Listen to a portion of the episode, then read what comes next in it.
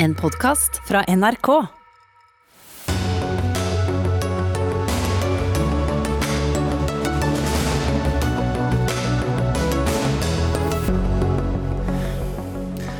Koronakommisjonens hemmelighold av hva toppolitikerne har sagt vil skade rapportens troverdighet, mener jusprofessor. Ærlige svar er viktigere enn innsyn, mener kommisjonens leder. Oslo åpner sakte, sakte, mens nabokommunene åpner ølkraner og kjøpesentre. Problematisk, mener Raymond Johansen. Vi må lage flere barn, mener regjeringen, og oppfordrer kvinner til å føde mer. Men det er mennene som er barnebremsen, viser forskning. Pelsdyrbønder er bedt om å uttale seg om nedleggelsen av næringen. Flere mener regjeringen har redigert bort deres høringsuttalelser. Politisk spill av statsråd Bollestad, mener Senterpartiets Geir Pollestad. Og israelske myndigheter skal ha stoppet koronavaksine som skulle til palestinske helsearbeidere. Landet har ingen interesse i at koronaen blomstrer i Gaza, svarer redaktør. Ja, dette er noen av sakene i Dagsnytt 18 denne onsdagen, der vi også skal til Dubai og høre historien om prinsessen som hevder hun holdes som gissel av sin far, landets mektigste sjeik og hersker i landet. FN og Amnesty har engasjert seg. Men vi starter her hjemme og med hemmeligholdet i eh, koronakommisjonen.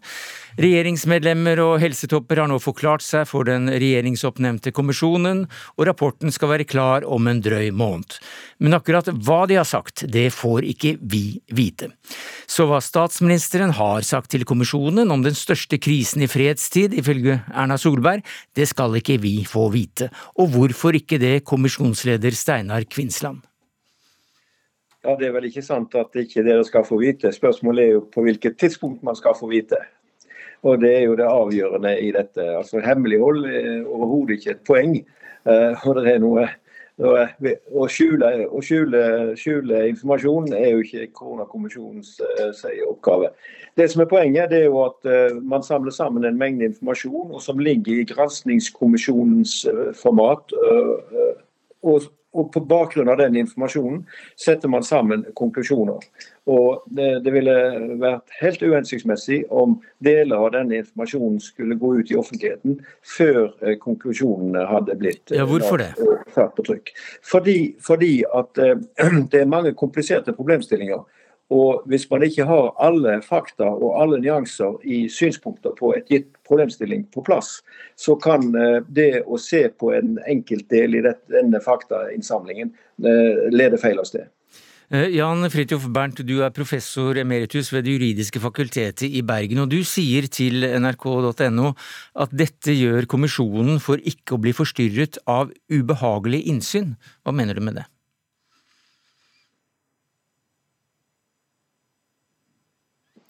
Der hører vi ikke eh, professor emeritus eh, Jan Fridtjof Bernt. Eh, hvis du trykker på en knapp der, der er et ikon ja, ja. Der hører vi deg, ja. Ja, da hører vi deg. Ja, og introduksjonen min til deg, det var da altså at eh, til NRK så sier du at kommisjonen gjør dette for ikke å bli forstyrret av ubehagelig innsyn.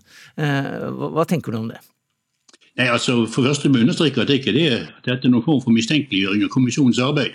Og Jeg har jo eh, god forståelse for de argumentene som eh, kommisjonsleder anfører når det gjelder at man skal ha eh, arbeidsro og tid til å bearbeide fakta før man skal få en offentlig debatt om det. Men problemet er jo det at for det første det er juridisk at det er ikke hjemmel i den norske loven om offentlig innsyn i forretningsvirksomhet for å ta slike hensyn. Hvis man bruker det som et valid argument, så kan man bruke det i en rekke saker innenfor forvaltning. Forvaltningen vil ofte med rette mene at de arbeider best hvis de slipper å få så å si, innsyn og kommentarer i virksomheten underveis i arbeidet. Så det er det rent juridiske, som imidlertid jurister kan ha ulike oppfatninger av, og som vi kan fortsette å diskutere som det. Jeg tror nok dette er en sak som Sivilombudsmannen kanskje burde bli spurt om. Det er jo da vår fremste kontrollinstans når det gjelder akkurat dette. Men så når det gjelder selve den underliggende realitet, eh, hva dette betyr, så er jo dette knyttet til oppfatninger av for det første eh, hvem denne kommisjonen så å si eh, arbeider for, og for det andre hvem det er den skal snakke til, og hvem det er som skal få hvilken informasjon. Utgangspunktet er jo det at den er oppnevnt av regjeringen, men eh, formålet med dette er jo ikke bare å få frem et mest mulig detaljert og presist eh, eh, informasjonsgrunnlag for kommisjonens og regjeringens egne vurderinger. Det er også i høyeste grad et spørsmål om å få ut i det åpne landskap kunnskap om hva som er skjedd og de premissene man har bygget på, som kan bidra til å styrke legitimiteten av de avgjørelsene man har tatt underveis og må ta underveis. Ja, For du frykter også kommisjonens at kommisjonen, eller rapporten da, eh, mister troverdighet ved dette? Ja, på den måten at eh, Hvis vi nå i ettertid eh, opplever at det er noen som er sterkt kritisk til kommisjonens arbeid, eller sider av det mener de ikke har gravd dypt nok, eller at de har vært for vennlige med å skjule feil, så er det veldig vanskelig for eh, omverdenen å få bekreftet eller avkreftet en slik påstand. Eh, det er jo slik at det kommisjonen får inn her, som formannen sier, selvfølgelig, det er jo rene fakta. Men rene fakta er jo nettopp det som er utgangspunktet for diskusjonen om eh, både om hva vi bør gjøre, og hva kommisjonen bør undersøke, og hva vi i neste omgang vil diskutere når denne eh, rapporten foreligger. Og de rene fakta de eh, bør tåle å komme ut i åpent ende, så å si fra dag én de kommer inn. Er det gale opplysninger, kan man tilbakevise dem. Er det et del av et større helhet, kan man vise til det. Men man må tåle at man får vite hva kommisjonen så å si blir matet med mm. av faktaopplysninger og synspunkter når den foretar sine vurderinger. Kvinsland? Ja, nei, Jeg tror jeg kan berolige Bent med at uh, altså, alt det som ligger til grunn for uh, våre konklusjoner, vil jo uh, bli tilgjengelig.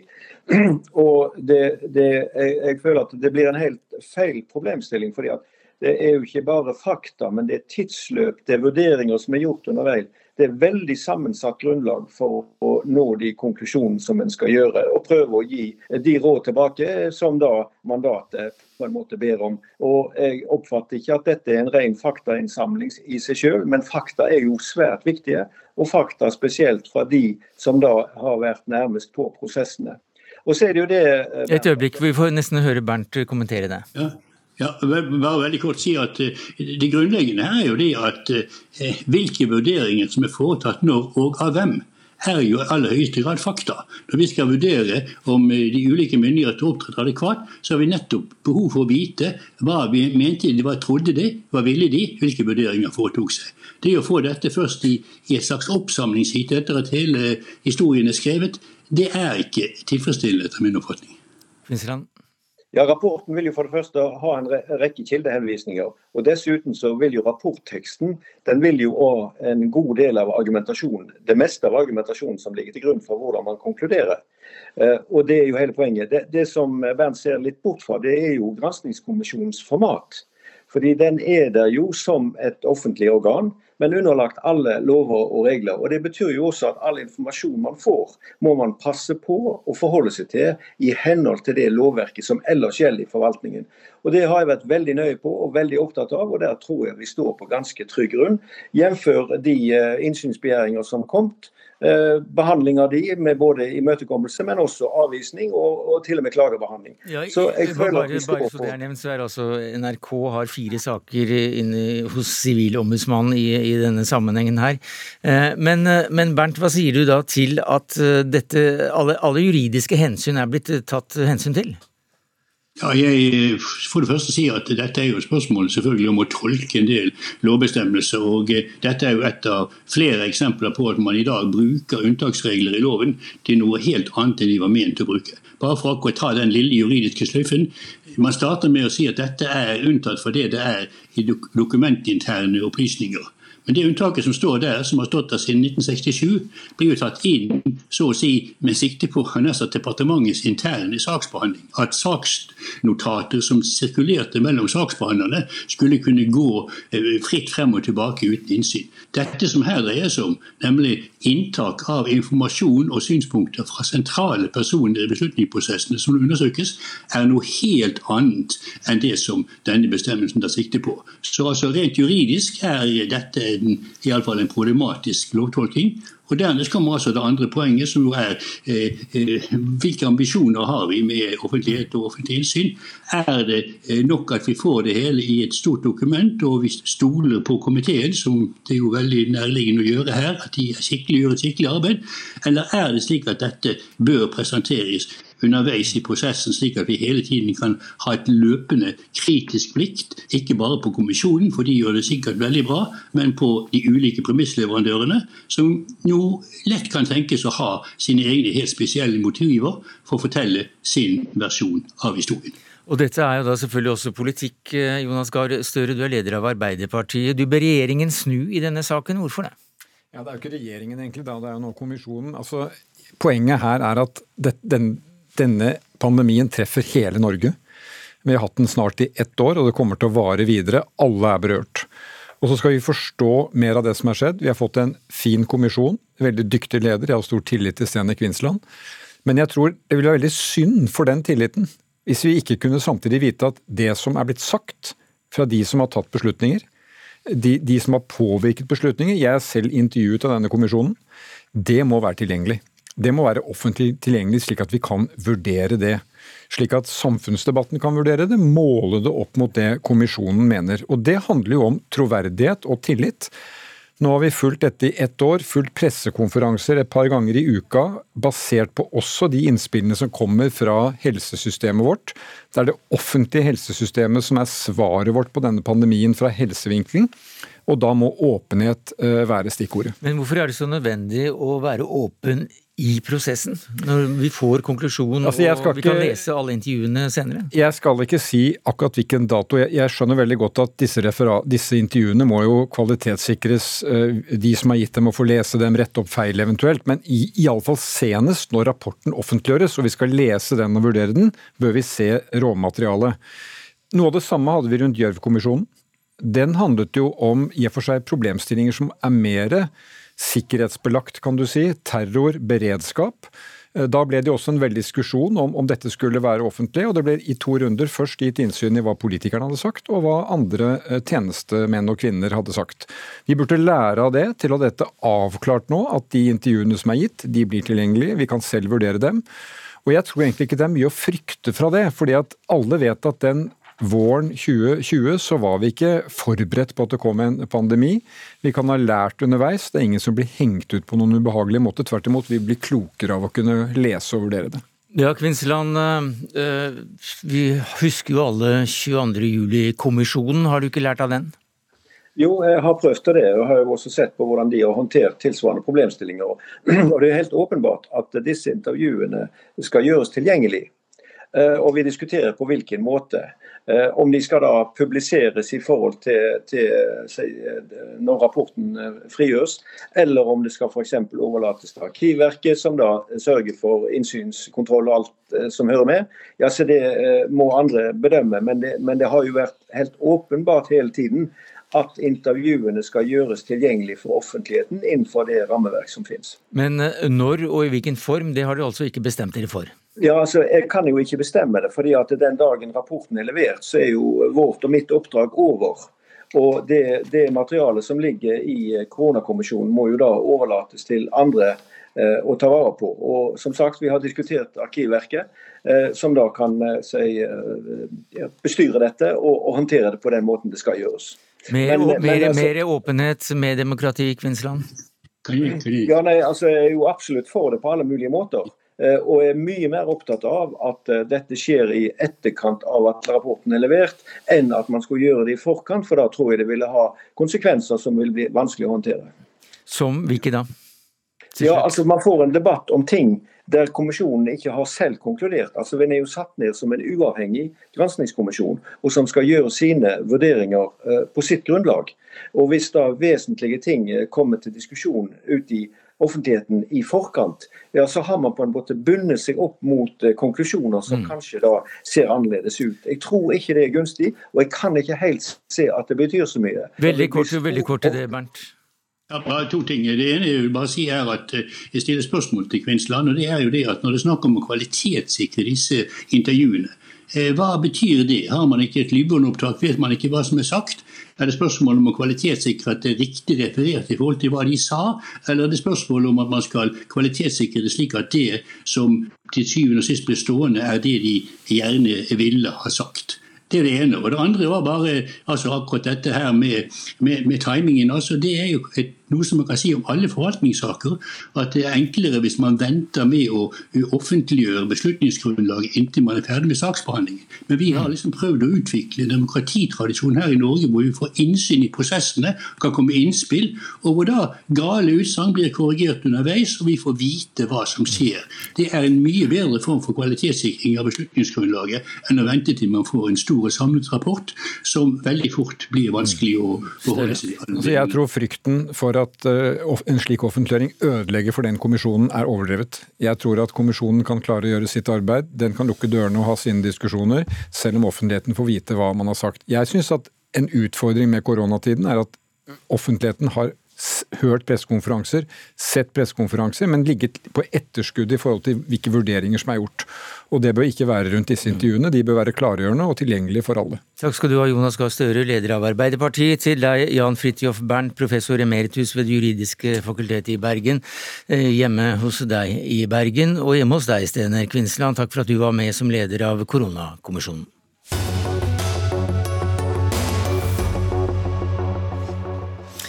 Ja, Stor spenning også knyttet til hvordan eh, Oslo ville åpnes etter at regjeringens tiltak i eh, regionen går ut på dato etter midnatt. Byrådsleder Raymond Johansen, hvem er størst til å juble i hovedstaden? Unge og ungdom øh, bør være glad fordi at vi har stått ved at vi skal ha en gradvis kontrollert gjenåpning. Og nå er det mulig, i tillegg til at det er gul sone på videregående skole, så er det også mulig nå for unge opp til til og med 19 år å starte igjen med fritidsaktivitet, idrett og fritidsklubber. I tillegg så jo, har jo regjeringen åpnet for at uh, studenter kan komme tilbake til bibliotekene og lesesalene. Og sist, men ikke minst, også at man har anledning, begrenset dog, å drive trening utendørs, ti personer.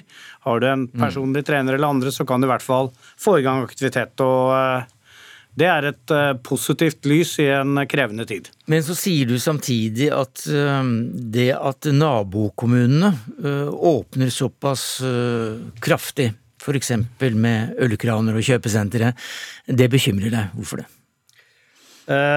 Nå er jeg bare ile til å si at eh, smittevernloven det er det kommunene som eh, håndterer ut fra den kunnskap de har. Så jeg har dyp respekt for det, men det er jo klart at eh, vi er en region. og det vi gjør nå, ved at vi ikke åpnet kjøpesentre, vi ikke åpnet serveringsstedene, så var jo det for å begrense mobilitet i en situasjon hvor dessverre smittetallene har gått noe ned, så vi, nei, noe opp. Så vi er varsomme, derfor er vi mantraet vårt det er en gradvis og kontrollert gjenåpning og mhm. prioritering av barn Men så er du også bekymret for at det åpner i randsonen, f.eks. at folk kan dra til Asker eller Lillestrøm eller Nittedal og ta seg en, en fest?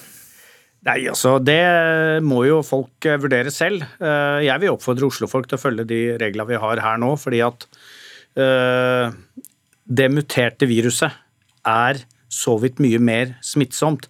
Og nå ser vi en økning av det muterte viruset i Oslo og i omland, så, og i, også i kommunene i nærheten av Oslo. og Det er jo det som gjør oss litt bekymret.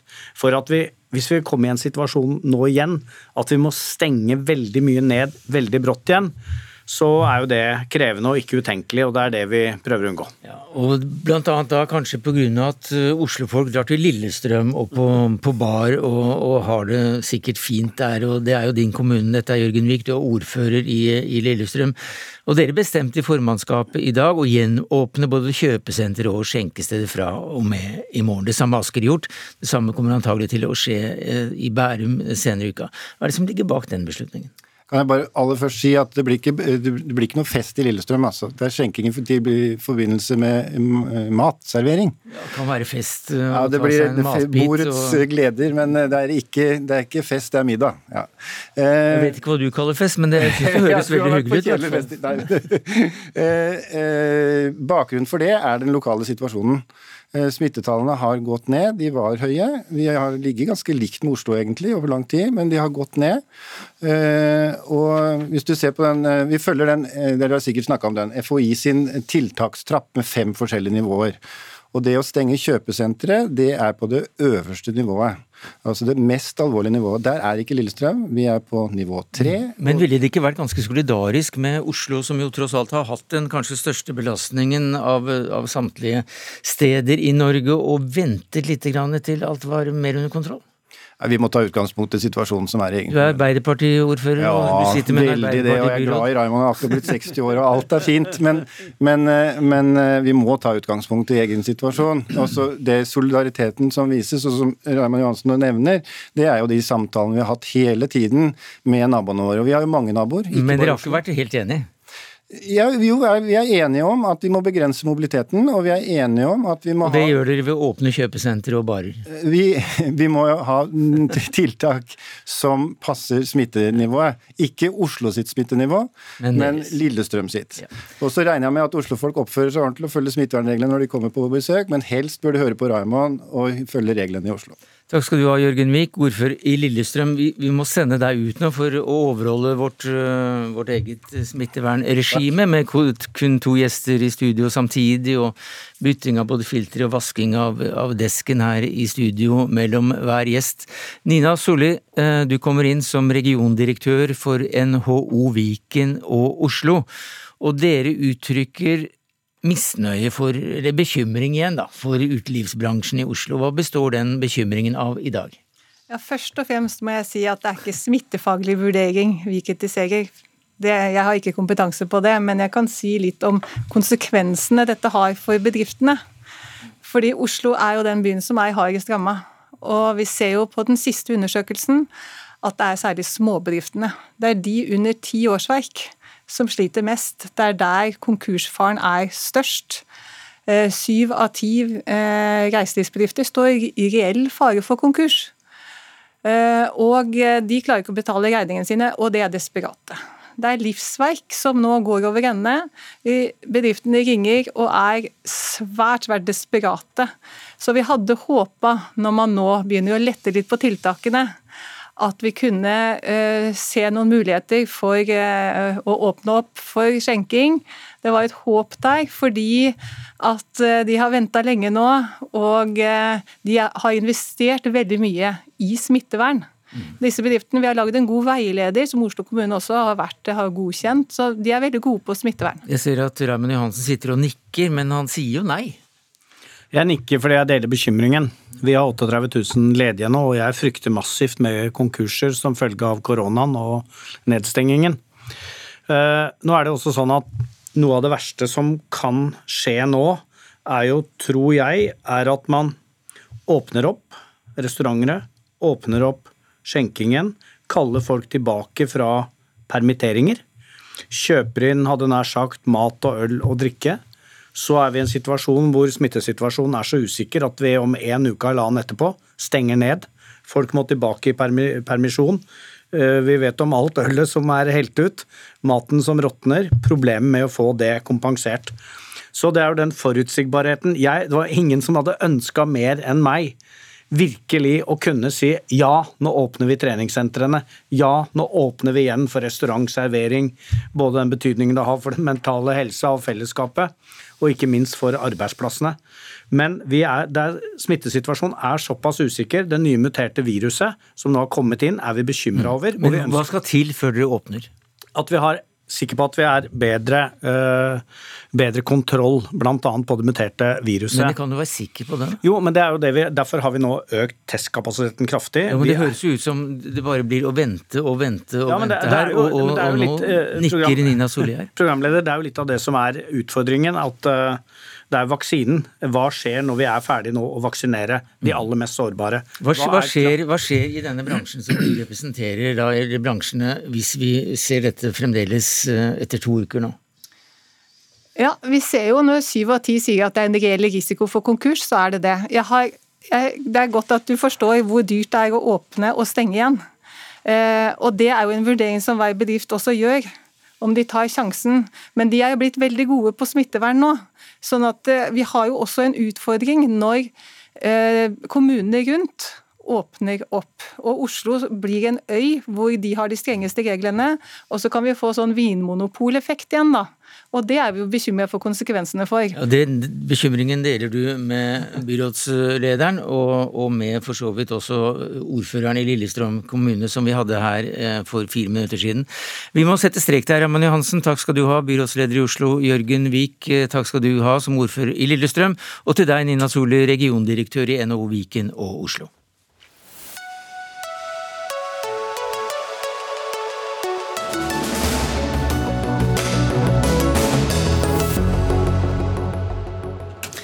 Ja, på mandag så oppfordret statsminister Erna Solberg nordmenn og kvinner til å få flere barn, for å kunne finansiere velferden også i framtiden. Og ofte er det kvinnenes situasjon det pekes på for å få bedre ordninger, for å øke lysten på å få flere barn. Men det er menn som ofte er bremsen når det kommer til å skulle få flere barn. Det viser også forskning. Marit Teigen, du er leder for CORE, eller CORE, Senter for likestillingsforskning ved Institutt for samfunnsforskning. Hvorfor er det ofte menn som ikke ønsker å få det tredje barnet? Ja, altså Det denne rapporten viser, som er skrevet av Marte Strøm og Sarah Cools ved Institutt for samfunnsforskning, eh, den viser jo at tobarnsnormen står veldig sterkt. Og den står veldig sterkt både blant menn og kvinner. Men det er langt flere kvinner enn menn som kan tenke seg eh, tre barn. Uh Sånn, er, så sånn sett så er det på en måte oftere mennene da, som bremser når det gjelder å få større barnekull. Ja, si mer om det. Ja, nei, altså det, eh, det finnes jo ikke noe sånn eh, enkel forklaring på, på, hvorfor mennene er sånn, men det kan jo hende at, eh, at mennene har en vel så realistisk vurdering av, av de valgene man gjør, fordi at det som mange strever med, er jo at barn og omsorgsansvar ofte kolliderer skikkelig med, med når, eh, når, karriereutfordringene også er som størst, hvor arbeidslivet eh, forventer eh, mye av folk. Og, og, da er det jo et trade-off i forhold til hva man skal ville velge. Mm. Så kvinner vil gjerne ha altså, hvis det går an å si sånn generelt, oftere tre barn enn det menn vil? Det viser i hvert fall denne undersøkelsen. Ragnhild Løkholm Ramberg, du er leder for kvinnenettverket i Troms Arbeiderparti, og du reagerer på at det er kvinner som stort sett blir oppfordret til å få flere barn, og sier at det er foreldre som må velge barn. Hva mener du med det? Ja, Først så må jeg si at det er smått absurd å stå og se på en regjering som i snart åtte år har ført en politikk som småbarnsfamilier taper på legger fram en perspektivmelding der de definerer et problem og peker på norske kvinner og sier dere føder ikke nok barn. Det er både absurd, eh, det er en ansvarsfraskrivelse og en påføring av skyld som jeg syns er ganske uheldig. Jo, men det er jo også det, slik at f.eks. i Finnmark så er fødetallene halvert på ti år? Mm. Eh, men altså, det er jo ikke overraskende at folk velger å få mindre barn når samfunnet er innretta sånn at man taper på å få barn. Eh, og hvis man definerer det som et Jeg er jo ikke umiddelbart med på premisset at det er et problem at folk får færre barn. Eh, det er jo også et uttrykk for valg, det er et uttrykk for en annen oppfølging av de barna vi faktisk får. Og det er uttrykk for at folk kanskje er friere og har større kontroll over egen, egen reproduktivitet og egne valg. Det er jo litt sånn jeg syns ikke man umiddelbart skal definere det som et problem, i hvert fall ikke uten videre. Men hvorfor, Men hvorfor, reagerer, dette... hvorfor reagerer, du på ja. at det er akkurat kvinner det retter søkelyset mot når regjeringen sier hva de mener? Ja, altså Denne regjeringa har jo vært unormalt opptatt av norske kvinners underliv og livmor, og altfor lite opptatt av norske småbarnsfamiliers liv. Eh, det er ikke kvinner alene som får barn i de aller fleste tilfeller. Og gang på gang reduserer regjeringa faren og partneren sin rolle til nærmest å være en sæddonor. Med tanke på hvor skeptisk jeg er til at kvinner alene skal bruke sæddonor, syns jeg det er ganske oppsiktsvekkende. Far er en ganske viktig person i barns liv. Eh, far ønsker også å følge opp barnet. Far ønsker også foreldrepermisjon. Og Vi vet at den foreldrepermisjonen har vært angrepet gang på gang av denne regjeringa. Vi vet at far ikke tar ut mer permisjon enn det pappakvota er, og, og at arbeidslivet ikke har rom for at man skal prioritere barn utover de særordningene Stortingsrepresentant for KrF Jorunn Lossius, har du glemt faren oppi dette her? På ingen måte. Vi er virkelig opptatt av hele familien i det her. Og det er nettopp utgangspunktet for KrF sin familiepolitikk, er at familier er forskjellige, barn er forskjellige, og de vet best hvordan de skal organisere sin hverdag, og hvordan de skal få ja, sitt liv til å gå i hop. Og nå sier og, også fedre at to barn er mer enn nok, takk skal du ha, vi skal ikke ha et tredje, viser ny forskning. Jeg syns det er veldig fint at det forskes på det her, og de funnene er veldig spennende. Jeg tenker at det kan være et uttrykk for noe positivt, nettopp at mennene har kommet mer på banen i familielivet. Det viser vel kanskje en, de en del om, om, at uh, ja. kjønnslikheten er blitt bedre? Eller at de også kjenner litt på de utfordringene det er med å kombinere barn, nei, familieliv og arbeidsliv. Men når det gjelder Arbeiderpartiet sin påstander, så er det jo de som virkelig ikke tar familiene på alvor. De ønsker jo å kutte i alle de ordningene som gir familiene trygg økonomi, og som gir de valgfrihet og fleksibilitet, som er nettopp det familien trenger. Enten det er kontantstøtte, den ønsker de å skrote, de ønsker ønsker å kutte i engangsstønaden. De ønsker ikke å ha noe økning i barnetrygda. De har ikke med på det med foreldrestipend. Alle de her løsningene er ikke viktige for Arbeiderpartiet. For hensynet til likestilling, hensynet til, arbeid, til styrke arbeidslinje vil alltid mm. gå foran hensynet til familiene for Arbeiderpartiet sin del. Ramberg. Ja, eh, KrF har helt rett i at Arbeiderpartiet er mye mer opptatt av likestilling enn det KrF er. Men når det kommer til småbarnsfamilier og de ulike behovene, så glemmer jo representanten fra KrF alle de tingene som er like for småbarnsfamilier i Norge. F.eks. alle bruker barnehage, så å si, som er blitt dyrere under denne regjeringa. De aller fleste bruker SFO, som er blitt dyrere under denne regjeringa. Det er store økonomiske belastninger. og de ordningene vi har akkurat når barnet kommer til verden, akkurat i fødselspermisjonstida og i året med kontantstøtte, som ja, vi riktig, helt riktig har lyst til å uh, kutte og på sikt skrote til fordel for barnehager og styrke barnehagen. Uh, de ordningene, Der er vi blant de beste i verden.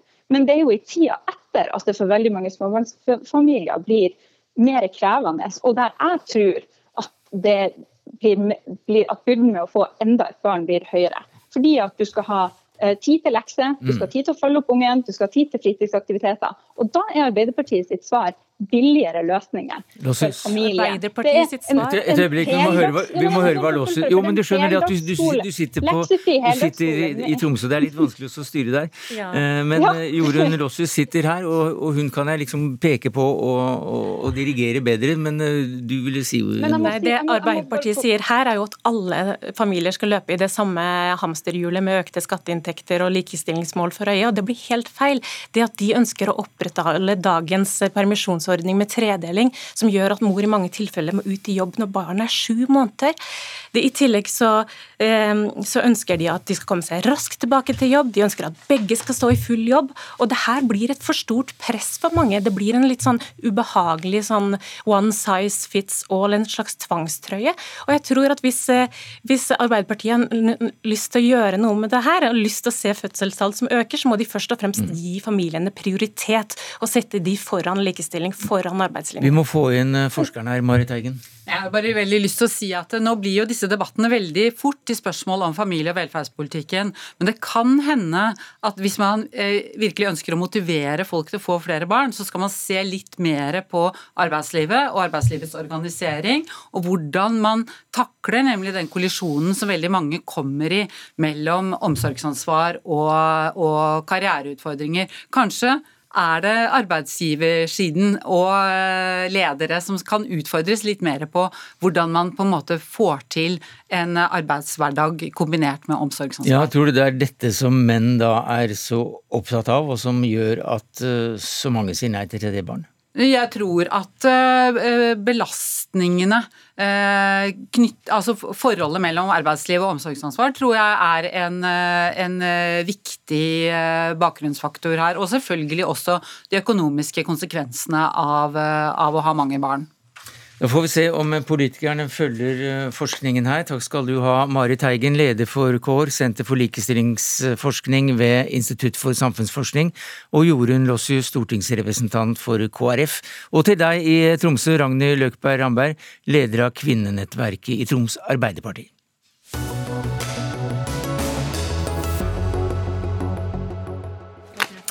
Ja, det har eh, vakt eh, internasjonal oppsikt at prinsesse Latifa av Emiratet Dubai i går beskyldte sin egen far, den mektige sjeik Mohammed bin Rashid al Maktoum, for både kidnapping og for å holde henne som gissel. I'm, I'm a hostage and uh, this villa has been converted into a jail. All the windows are barred shut. I can't open any window. I've been by myself, solitary confinement.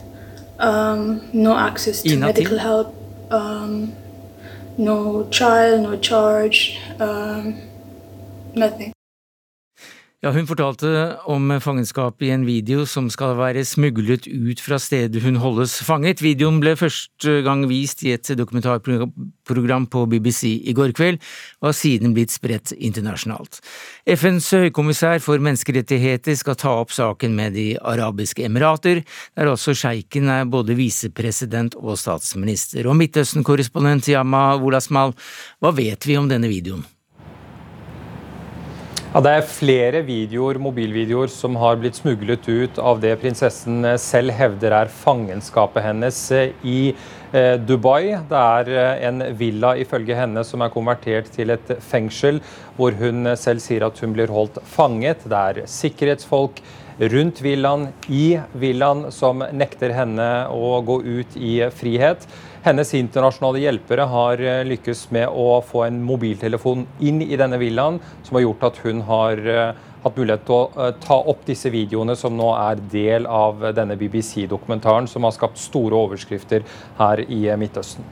Ina Tin, du er politisk rådgiver i Amnesty International Norge, og Amnesty var involvert etter at prinsessene ble kidnappet på dramatisk vis tilbake i 2018. Hva fant dere ut?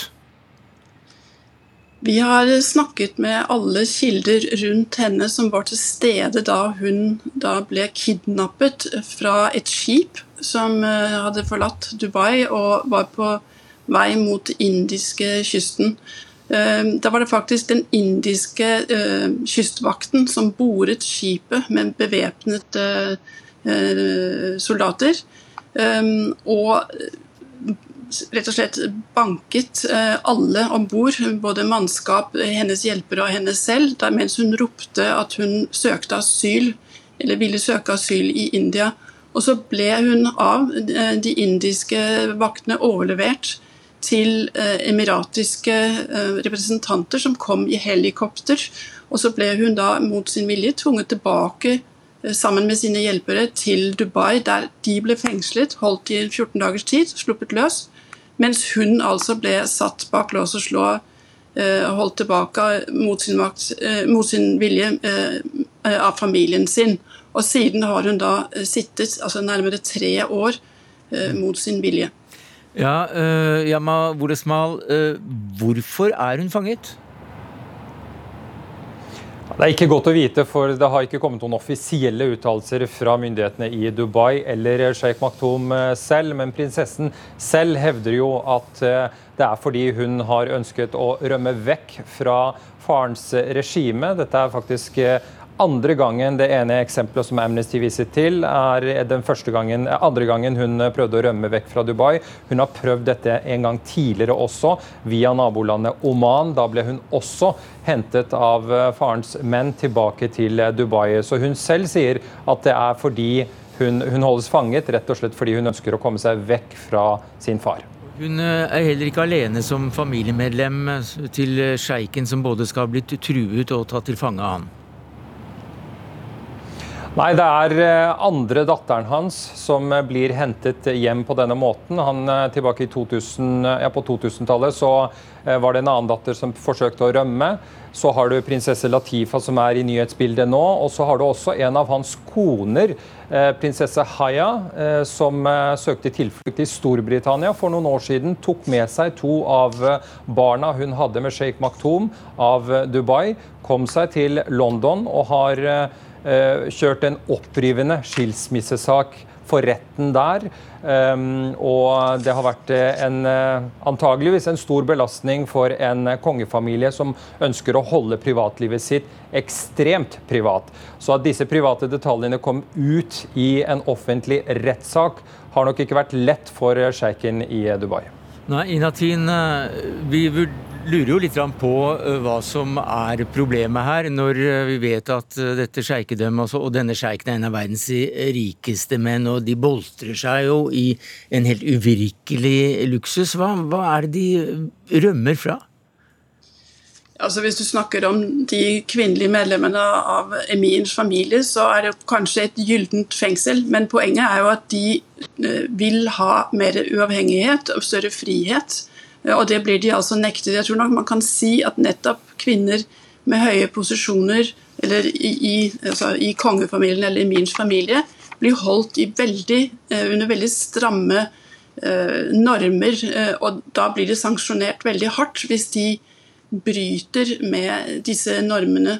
Men ellers kan man jo si at altså, kvinner i Emiratene er jo underlagt eh, et vergesystem som, som holder dem Eh, under mannlig eh, bestyrermyndighet. Eh, og det er det jo også mange kvinner som, som opponerer mot, med stor risiko. Altså, det har vært en veldig stor undertrykkelse av alle kritiske røster, både menns og kvinners røster, i Emiratene siden den arabiske våren. Ehm, eh, og, og, veldig mange sitter fengslet. Eh, mange sitter inkommunikado, altså uten kontakt med omverdenen. Og mange er også forsvunnet. altså Man vet rett og slett ikke hvor. Mm de er blitt da. Så Men, det er et eh, veldig brutalt regime. Ja, og det er et regime som er en god venn av Norge og har vært i mange, mange år. Eh, vi eksporterte jo eh, våpen og materiell for over 100 millioner kroner til, til Emiratene så sent som i 2017. Det er en eksport som, som nå er stoppet. Men bør slike historier få noen konsekvenser for vårt forhold til et slikt regime?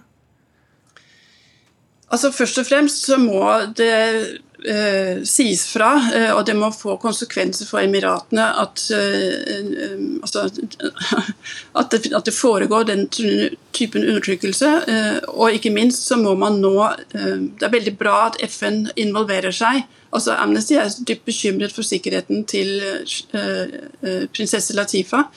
Og mener at det internasjonale samfunnet må, må bry seg om henne. Og selvfølgelig i større perspektiv om kvinners situasjon i Emiratene. De har ikke villet samarbeide med FNs menneskerettighetsrapportører siden 2014, så man kan starte i FN eh, og stille Emiratene til ansvar for den politikken de kjører. Takk skal du ha, Ina Tin, politisk rådgiver i Amnesty International Norge, og til eh, deg, vår mann i Midtøsten, Yama Wolasmal.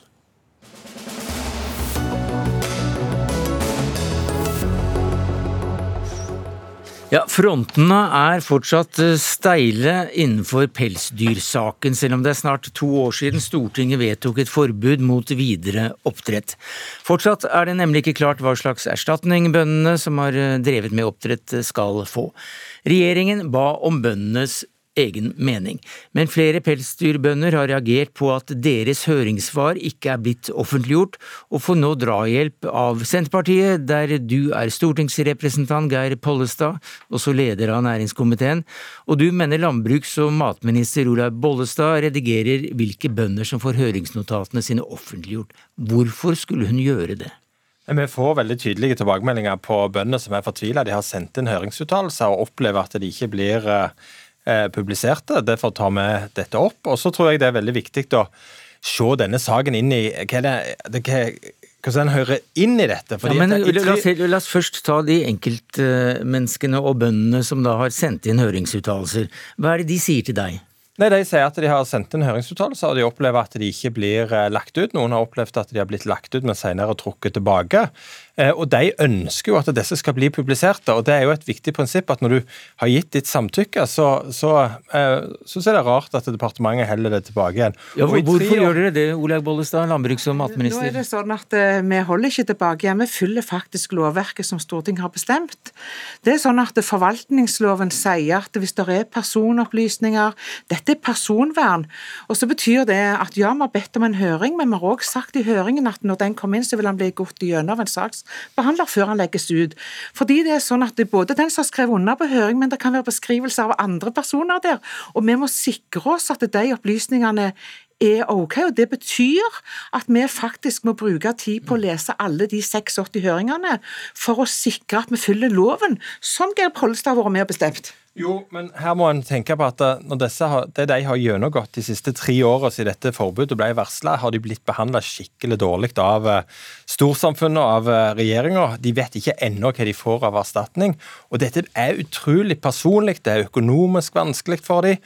Og da mener jeg at da burde en, når en fikk denne kritikken, raskt snudd seg rundt og sørga for å gå gjennom og fått de ut mye raskere enn det en har gjort. For foreløpig, nei fortsatt så er jo ikke alle eh, publisert. og det... Ja, Men du hører jo begrunnelsen. jo, men den synes jeg, jeg, Her syns jeg at statsråden mer beskytter seg sjøl enn å beskytte de som har sendt inn høringsinnspillere. Ja, hvordan da?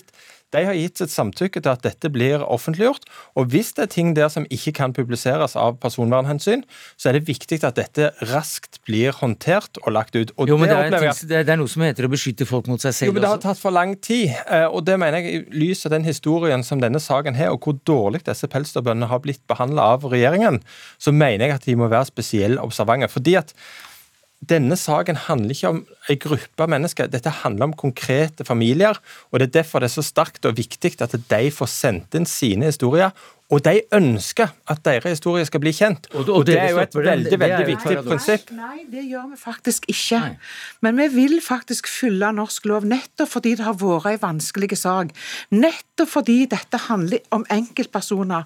Og nettopp fordi det er beskrivelser i dette som er utrolig tunge for enkeltpersoner. Da må vi sikre at både den som har skrevet, eller de som har skrevet, og de det står opplysninger om Dette gjelder jo ikke Geir Pollestad. bare Landbruks- og matdepartementet. Det gjelder i alle departement, det gjelder i alle kommuner. Når vi skal offentliggjøre, så må vi være sikre på at den som det blir beskrevet, faktisk har akseptert det. For det er det ikke alltid i alle saker. og Det betyr at vi fikk inn høringene i slutten av januar. Nå er vi i, i, i februar, og vi jobber gjennom hver enkelt. og Nå er 82 av 86 høringssvar lagt ut, men det er jo ikke for å skjule noe. Det er ikke for å, å skyve jussen foran seg, det er faktisk for å ivareta personvernet. Og jeg trodde i anstendighetens navn, Geir, at òg Senterpartiet var opptatt av mm. personvern. Mm. Jo, men det, det, et, et øyeblikk, vi må nesten få på Ja, vi er helt enige at loven skal følges, men det er klart når du får inn en høringsuttalelse, så bør du i løpet av en dag kunne gå gjennom den og eventuelt sladre hvis det er ting som ikke kan legges ut. Det er noe med tempo i dette. Og så er det at en ikke ser denne saken. Når en begynner å snakke om denne saken som alle andre, dette er en gruppe mennesker som har blitt så dårlig behandla. Det har tatt altså mer enn tre år nå siden dette forbudet ble varsla, og fortsatt så vet de ikke hva erstatning de får. Det stiller særlige krav til departementet og, med, og håndteringen av dette, og at en ikke hadde et apparat klar for å håndtere dette. For de ønsker at deres historie skal komme ut, og det står jo når en sender inn at disse vil bli publisert. Og så ser jeg at hvis det gjelder tredjeparter som er omtalt, så eh, kan det være Men hva folk skriver om seg sjøl, det kan du ikke gjemme deg bak forvaltningsloven, for det ønsker de å ha ut, og den historien mener jeg at vi må få høre. Men vi, vi, gjemmer oss ikke bak noen. De blir faktisk lagt ut, Geir, når det er sånn at en faktisk har fått en aksept for de det står beskrevet av. Og det, det gjelder i all forvaltning, nettopp fordi at folk ikke igjen skal oppleve at det offentlige publiserer ting som de gjerne ikke har akseptert eller godkjent. Jo, men tenker du ikke at et døgn bør holde? Men, det er 86 historier, Geir. Men de har jo kommet fortløpende. Det er 86 familier. Det er gjerne 200 personer det er snakk om her. Det er mange det er snakk om, og da må en faktisk kunne ivareta alle. Det er ikke snakk om, Geir, å legge og skjule noe foran oss. Det er faktisk for å ivareta personer. og det mener jeg... De, dere har behandla denne gruppa veldig dårlig, og nå har dere jammen klart å skape et problem av høringene. Men, men dere burde vært så på alerten at dere så hvor krevende og vanskelig denne saken er. Og selvsagt så skal en fylle loven. Men, men du som jurist bør mer enn noen, og Senterpartiet bør jo da svare for Skal vi ikke gjøre det så skikkelig at de som faktisk har hatt det så tungt i alle de tre åra, faktisk blir ivaretatt på en skikkelig måte? Ingen ville ha reagert om det tok en dag eller to før det ble publisert, men dette har tatt for lang tid. Her burde en ha vært mer oppmerksom på hvor dårlig en har behandla pelsdyrbønder. Jeg er mer opptatt av faktisk å gjøre et skikkelig arbeid for de som faktisk har opplevd dette, Geir, og opplever at de ikke blir publisert på våre sider hvis de ikke vil. Jeg Og så tror at det er de for seks å gjøre et skikkelig arbeid for pelsdyrbøndene, for de har blitt så dårlig behandla. De burde hatt erstatning for lenge siden. nå Og nå er det viktige at du får på plass, sånn at disse har et system før eh, sommeren, så de kan forholde seg til, og at de sikres full erstatning. Det er det aller viktigste som en kan gjøre. men nå er det jo og sånn er regjeringa har svikta pelsdyrbøndene. Vi må, nesten, vi, må nesten sette en strek der, vi selv om vi egentlig ikke har lyst. For uh, vi avslutter med å si tusen takk skal dere ha, Pollestad og Bollestad. Det var for fristende, men den ene også da stortingsrepresentant for Senterpartiet, Olaug Bollestad, landbruks- og matminister for KrF.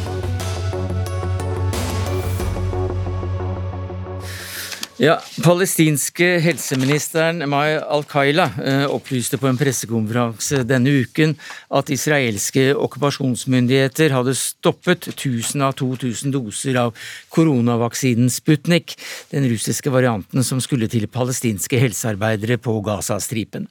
I ettermiddag fikk likevel vaksinen som øh, lovet eh, komme inn, og Yama Wolasmal, fremdeles vår mann i Midtøsten, hvorfor stoppet Israel vaksinen i første omgang? Altså Ifølge israelske medier så ble dette, denne avgjørelsen tatt eh, ved statsministerens kontor. Statsministeren selv og hans stab har ikke kommet med noen offisiell uttalelse om hvorfor denne forsendelsen med russiske vaksiner til Gaza via de palestinske selvstyremyndighetene ble stoppet. Men eh, altså israelske medier mener at dette kan ha sammenheng med at Israel forsøkte å bruke vaksinene som en slags forhandlingsbrikke overfor Hamas, som styrer Gaza, som visstnok eh, har flere altså levningene etter flere israelske soldater i sin besittelse. Eh, og at eh, Israel prøvde å få levningene ut i bytte mot disse vaksinene. Men dette er ikke offisielt bekreftet fra israelsk hold, og i kveld løste det hele seg. Alle de 2000 dosene som var ment til Gaza, har kommet til helsepersonell i Gaza. Eh, Hva vet du om koronasituasjonen på Gazastripen? Altså Gaza hadde en, en, humanitær katastrofe som var ganske ille før pandemien brøt ut i fjor. Nå er rundt 50 000 mennesker, det er det offisielle tallet, smittet. Det er trolig at dette tallet er langt høyere, fordi det er en veldig lav testkapasitet på Gazastripen. Bl.a. pga. denne blokaden som er iverksatt av Israel og Egypt, og som har vært til stede i nesten 13 år. De tester veldig få mennesker. Det er kun ett laboratorie på hele Gazastripen som analyserer testene, så smittetallene er nok mye høyere. De har rundt 500 døde. Det er omtrent like mange som Norge, hvor vi har rundt 5,5 millioner mennesker. På Gazastripen bor det to millioner mennesker. Men hvorfor dette har fått så stor oppmerksomhet, er jo selvfølgelig også fordi at Israel har vært kjempehøyt oppe når det gjelder å vaksinere egen befolkning. En slående kontrast til de som bor på Gazastripen. Altså Israel får velfortjent skryt for sitt vaksinasjonsprogram. De har i rekordfart vaksinert en tredjedel av sin befolkning på ni millioner mennesker. De regner med å ha vaksinert hele befolkningen i løpet av bare et par måneder. På palestinsk side ser det ikke særlig bra ut. Det bor 4,8 millioner mennesker på Vestbredden og på Gazastripen. Og palestinerne har til nå kun klart å få tak i rundt 20 000 vaksiner som rekker til 10 000 mennesker av nesten 5 millioner. Så det er en stor kontrast mellom vaksineringen i Israel og de, i de palestinske områdene. Og dette reagerer du som leder for Palestina-komiteen i Norge på, Line Kateb. Hva sier du til det? Jo, altså nå har jo vi her i Norge en stund fått kjenne på hvordan det er med strenge restriksjoner. Vi har levd med en pandemi i eh, snart et år, og vi kan ikke reise noen steder. Denne følelsen, kanskje ganget 100, kan gi oss et inntrykk av hvordan det er å være palestiner som lever under israelsk okkupasjon, og i Gaza under blokade. Israel har et folkerettslig ansvar, både moralsk, men også juridisk, til å sørge for at også palestinerne får vaksine og beskyttelse mot denne pandemien. Og så ser vi når palestinske myndigheter da omsider klarer å skaffe 2000 doser til to millioner mennesker, det er jo veldig lite, skal dette inn til helsearbeidere i Gaza, så står okkupasjonsmakten der og sier nei, dere får ikke komme inn med disse dosene. Og I dag snakker vi om vaksiner. I morgen kan det være respirator, det kan være krydder, det kan være FNs eh, spesialetterforsker som ikke slipper inn. Eh, og Israel altså Palestinerne er betinget nettopp velvilje fra Israel, og de ser bort fra sitt ansvar som okkupasjonsmakt. Sjefredaktør i Dagen, Vebjørn Selbekk, du er her innimellom for å om ikke tale Israels, Israels, sak, så i hvert fall ha en litt annen forståelse for hva som skjer der. Hva, hva sier du til at Israel skal ha stoppet uh, disse dosene, men i dag da har sendt dem inn? Ja, nei, altså Dette er jo en uh, storm i et vannglass. Det er jo det er jo som vanlig at eh, Palestinakomiteen er med på å piske opp det. Disse vaksinene eh, har vært inne nå på Gazastripa siden i eh, formiddag. Og, og, men, men, det skal likevel prøve å dannes da et bilde av hvor forferdelig Israel er. Og Palestinakomiteen skriver jo det på sine nettsider at Israel hindrer palestinske helsearbeidere i å, få, i å bli vaksinert. De som har ansvaret for vaksine eh, både på Gazastripa og på Vestbredden, det er de palestinske selvstyremyndighetene. Det er regulert i Oslo-avtalen, som ble inngått på 90-tallet. og det er, en, eh, det er, også en folkerettslig forpliktelse som de har. Dette er ikke helt riktig, fordi FNs eh, eh, eksperter på juss sier nettopp at Oslo-avtalen, ja, den sier formelt at palestinske myndigheter har ansvar for eh, sin befolkningshelse, men den sier også at i en situasjon med en pandemi, så gjelder Genévekonvensjonen, internasjonal lov, over den Oslo-avtalen. Og, og Israel sier... har ansvar for den okkuperte befolkningen og for å sørge for at de får vaksine. Men, men uansett akkurat det juridiske her, så er det jo et moralsk spørsmål også. og Det er, det er det som gjør at eh, deler av verdenssamfunnet, og ikke bare Palestinakomiteen, har reagert. Ja, eh, absolutt. Eh, men det er, så, det er sånn i, eh, i, disse områdene, som det er overalt ellers i verden, at en nasjon og dens regjering har først og fremst ansvaret for sine egne statsborgere. Også de som de okkuperer? Ja, men altså, eh, som sagt, der er det et avtaleverk som regulerer hvem det er som har det ansvaret. Så, som man er uenighet om, ja, men, om, om gjelder altså, eller ikke? Men altså, Gazastripa. Det står ingen israelske soldater på, på Gazastripa. Der er det Men vent, vent Et øyeblikk, vi må la Der er det det islamistiske terrorregimet Hamas som eh, er herrer.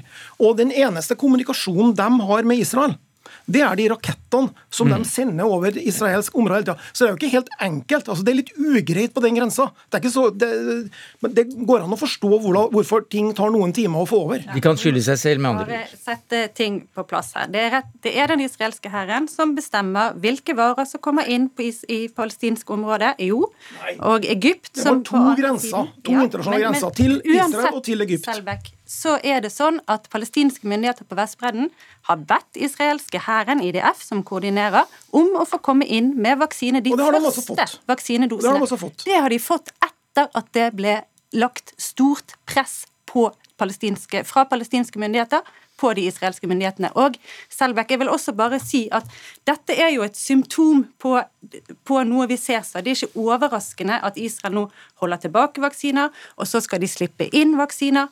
For dette er en del av det systematiske jo, okkupasjonen, blokaden, som er folkerettsstridig. Jeg vil bare si Nei, et øyeblikk, vi vi må nesten få en altså, det, det, det, det er jeg på. Altså, kan, man, kan, man, kan, man, kan, diskutere det, forsinkelser på, på grensa og de tingene der. og det, det er ikke så rart når, når man eh, har med Hamas eh, å gjøre, terrorister å gjøre. Men det som er reagerer eh, sterkt på, det er, jo, det er jo på en måte denne demoniseringen av, av, Israel. At man på en måte hevder, som dere har gjort på nettsida deres i dag, at Israel ønsker å plage palestinerne. Ønsker at mennesker ikke skal bli vaksinert. Altså, det er til alles beste at alle i den regionen blir vaksinert. Hvorfor har de ikke sendt inn en masse vaksiner, da? Fordi at man enhver regjering har først et ansvar for sine egne statsborgere.